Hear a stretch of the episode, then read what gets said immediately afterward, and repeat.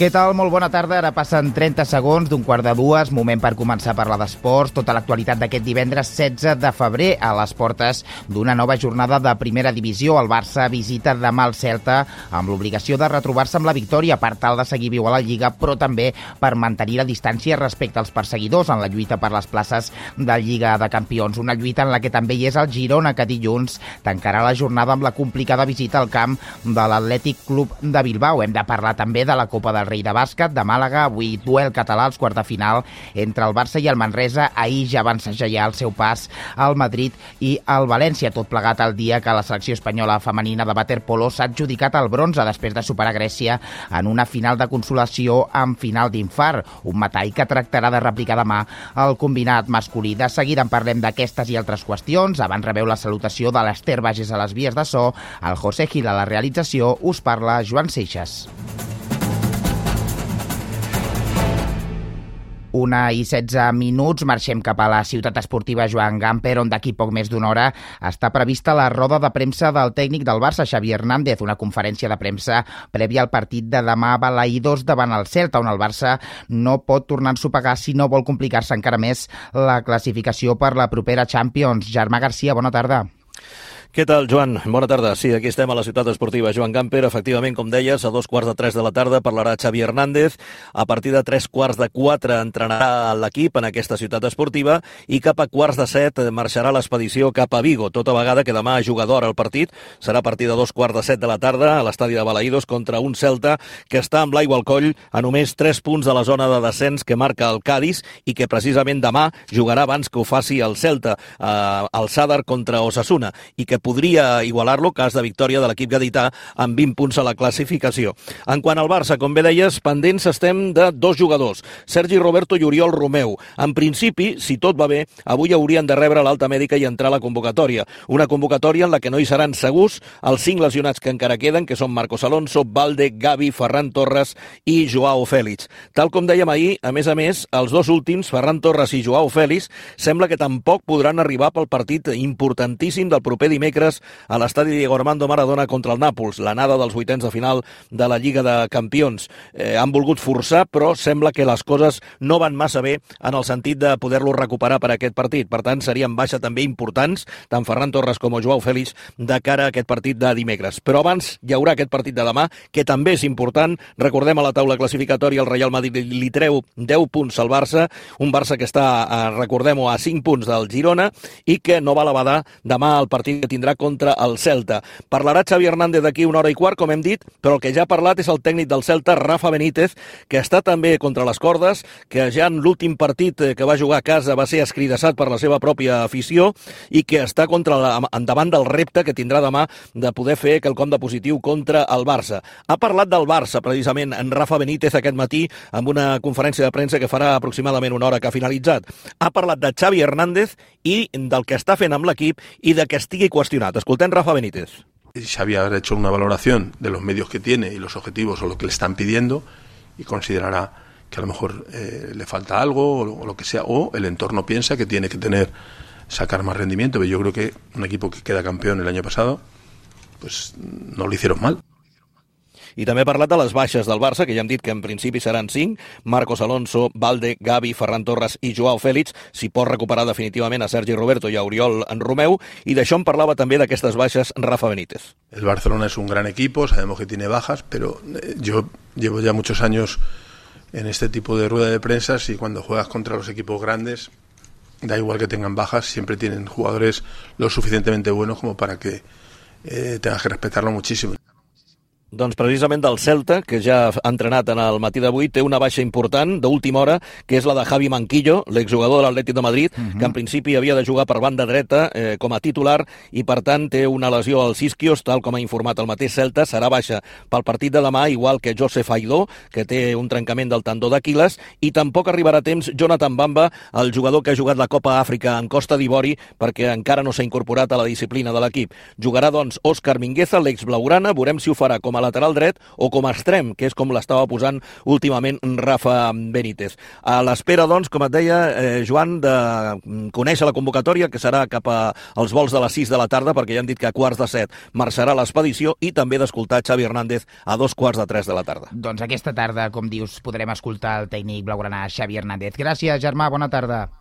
Bona tarda. Tot plegat en una 25a jornada de primera divisió que comença avui amb la disputa del Villarreal-Getafe a les 9 de la nit. El Girona, per la seva banda, tancarà la jornada dilluns. Ho farà contra l'Atlètic Club de Bilbao en un duel vital de cara a les opcions de Champions del conjunt de Mitchell, que ara tenen un marge de 10 punts respecte als bascos, que són cinquens classificats. A la segona divisió, el Saragossa-Cartagena obrirà avui la 27a jornada. Demà l'Espanyol rebrà el Mirandès amb l'objectiu l'objectiu de seguir sumant per seguir en la lluita per l'ascens directe. El tècnic blanquiblau Luis Miguel Ramis diu que l'única manera de millorar és treballant. Estamos fuertes, yo y el equipo técnico, porque no hay ninguna duda al final de lo que queremos. Es verdad que sí sientes frustración y rabia porque dices, ¿cómo puede ser? no? La respuesta a eso es trabajo, trabajo e insistir, no bajar los brazos.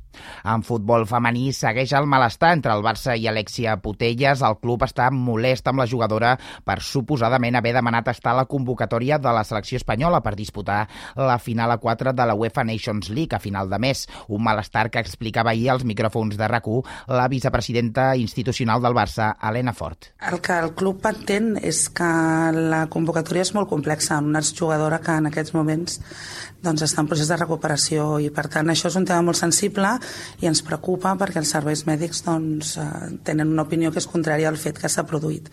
A partir d'aquí doncs, haurem de gestionar aquesta situació que no ens agrada i esperar que no passi res i que tot vagi bé.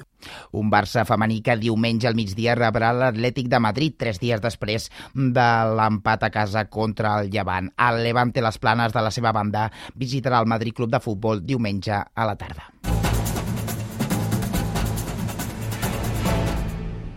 I ho dèiem a l'inici, avui tenim duel entre equips catalans als quarts de final de la Copa del Rei que es disputa a Màlaga. El Barça i el Manresa s'enfronten a les 6 de la tarda. Àlex Carazo, bona tarda. Bona tarda. De nou, com fa dos anys, a Granada el Barça i el Baxi Manresa es veuen les cares als quarts de final de la Copa del Rei. En aquella ocasió, els blaugranes van guanyar de més de 30 punts, 107 a 70, i van acabar guanyant la Copa. Ara, el darrer precedent entre els dos equips va ser fa tot just una setmana, en partit de Lliga amb la victòria 77-87 del Barça a la pista del Baxi. Això sí, els dos entrenadors, tant Roger Grimau com Pedro Martínez, saben, saben que la Copa serà molt diferent. Sí, jo crec que sí. Jo crec que arribem, arribem a bon nivell, arribem, arribem preparats, sabem que el partit serà complicadíssim, com he dit abans, i bueno, esperançats, contents, crec que el nostre nivell ara mateix és, és bo, és, és correcte i, i que espero que ens doni per, per seguir. Sí, hace dos años también nos tocó el Barça y perdimos de 36 seguramente aquel día también tenían mucha presión y también estaban muy obligados a ganar.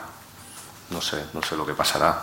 Eh, no sé si ellos tienen presión. Nosotros tenemos la presión que nos ponemos de hacer las cosas bien hechas y de competir. Eso también es una presión. Tots dos equips recuperen per aquesta Copa dos jugadors molt importants, els dos capitans, Àlex Sabrines al Barça i Guillem Jou al Manresa. Ningú uh mhm. -huh. vol perdre's la setmana més especial del bàsquet a Espanya ni aquest duel català a cara o creu. Escoltem a Billy Hernán Gómez i Dani Pérez. Muchísimas, muchísimas ganas de, de jugar otra Copa del Rey, de, de disfrutar ¿no? de lo que viene es estos días de, del baloncesto, del baloncesto español, de, la afición. Yo creo que es un torneo para disfrutar de, del mejor baloncesto. Um, aquí la gente pues ya se nota ¿no? y se respira desde que hemos llegado por la calle que, es baloncesto y más aquí en una ciudad como, como Málaga. Con muchas ganas de, de poder competir ¿no? y quitarnos un poco los que venimos ya de hace dos años, ¿no? de quitarnos la espinita un poco de, la Copa de Granada, ¿no? Que, no pudimos hacer el, el papel que yo creo que nos merecíamos. Serà el quart duel entre aquests dos equips aquesta temporada si comptem el de la final de la Lliga Catalana amb victòria culer i els dos partits de Lliga amb victòria dels manresans al Palau i triomf dels barcelonins al nou Congost. I jugats ahir, el Real Madrid va, partir, va patir més de l'esperat per acabar guanyant a l'Ucamp Múrcia 84-79. Els blancs tenien el partit controlat i van arribar a tenir una diferència de més 15, però els murcians van retallar fins a estar a només un punt al, al darrer quart. Llavors va aparèixer Campazzo, màxim anotador del Madrid amb 15 punts per a dominar els últims minuts i tancar aquest bitllet a les semifinals. Important també destacar, Joan, que Llull va anotar tres triples i va superar Juan Carlos Navarro com a màxim anotador de triples a la història de la Copa amb 65. El Madrid s'enfrontarà demà al València a les semifinals després que l'equip d'Àlex Montbrú eliminés el Gran Canària a la pròrroga 81 a 89. Doncs així estan les coses a la Copa del Rei de bàsquet que es disputa a Màlaga. El que sabem és que passi el que passi, el que tindrem segur és un equip eh, català a semifinals. Gràcies, Àlex. Bona tarda. Bona tarda. Encara en bàsquet, a la Lliga Leport, el Força Lleida, sisè classificat, rep el líder, l'Estudiantes, a partir de les 9. I a la Lliga Femenina, el Cadí la Seu ha aconseguit el fitxatge de la pivot nord-americana Lídia Rivers fins a final de temporada. Rivers, de 26 anys, ja ha jugat aquesta temporada amb el Benvimbre i podria debutar aquest cap de setmana contra el Guernica. Gol o, o penalti, què? Gol! Gol! Gol! Gol! Gol! Gol! Gol! Gol! gol! Que l'àrbitre acaba de indicar el gol! Que l'àrbitre acaba de indicar el gol de España. No había portera, dicen que no, como es normal, desde el bando griego. ¡Qué final! D'aquesta manera narraven els companys de Teledeporte Joan Carles Garcia i Dani Ballar un gol que val la medalla de bronze d'un Mundial. La selecció femenina, amb una àmplia representació catalana, ha superat in extremis a la selecció grega per 10 a 9 en la final de consolació del Mundial de Natació de Doha. El gol del triomf l'ha aconseguit la catalana Elena Ruiz quan només restaven 3 segons pel final del partit. Aquestes eren les sensacions de la jugadora del Sant Andreu. Vist la porteria buida, no, no ho he dubtat, he agafat la pilota, sí que al principi hi ha hagut una mica de liu perquè no, no ens deixaven xutar, eh, ens han vingut totes, però al final he agafat la pilota, xutat i he anat cap a dintre i ja està. De moral per, per París, per sí, Jocs Olímpics. clar, una medalla aquí té, té molt valor, al final un bronze per mi igualment té molt valor, és una medalla d'un Mundial i estic molt contenta a dos quarts de quatre la final entre els Estats Units i Hongria. La selecció masculina de la seva banda lluitarà demà també pel bronze contra França i el combinat espanyol, també amb majoria de catalans, va caure amb Itàlia per 8 a 6. Tot i la derrota, el seleccionador català David Martín es mostrava orgullós de l'equip. Nada que reprochar al equipo, nada que reprochar. El equipo ha luchado hasta el final. Hemos estado desacertados, evidentemente, en ataque. Sido un partido parecido al de Zagreb, pero al revés. Nos ha costado mucho meter gol. El partido se ha vuelto muy, muy físico. Y felicitar a Italia, es un auténtico equipazo. Esto es deporte, hoy han sido mejores. Y a seguir, a seguir con, con orgullo a por la medalla de bronce, que es lo que toca.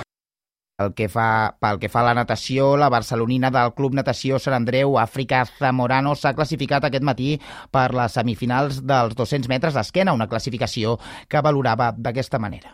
Estic una mica amb el sabor amarg, bueno, perquè per una part bueno, he entrat a semis, que era l'objectiu principal, però per l'altra part m'he quedat una mica amb les ganes perquè bueno, la marca ha sigut bastant fluixeta i ha sigut unes semifinals molt fàcils, llavors bueno, he pogut entrar gràcies a això. Eh, aquesta tarda intentaré no, no adormir-me, anar per totes perquè bueno, em veig preparada, em veig entrenada i capacitada per poder donar el meu 100%. També aquesta tarda l'equip espanyol de relleus disputa la final del 4 per 200 lliures, també final dels 200 esquena amb el balear Hugo González i semifinals del 100 papallón amb el nedador del Club Natació Terrassa Mario Moya.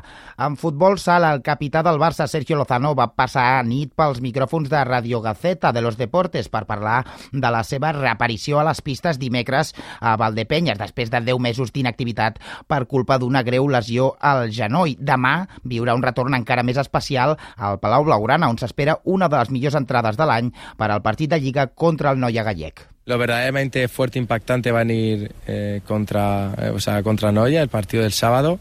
Eh, con el pabellón no sé si estará lleno o casi lleno, pero bueno, mucha gente, muchos amigos, mucha familia, mucha gente que me ha mostrado su apoyo durante tantos momentos. Eh, sé que va a ser muy emotivo, voy a vivir muchísimas emociones, pero la verdad es que es algo por lo que he luchado y soñado durante tantos meses y, y lo tengo muy cerca de cumplir. Aquest Barça-Noia de la 19a jornada de Lliga demà un quart de cinc de la tarda. L'altre conjunt català de la competició, l'Indústria Santa Coloma, visitarà diumenge el Manzanares. És tot pel que fa als esports. Es queden ara amb l'informació de Caire General amb la Mireia Moreno. Gràcies, bona tarda.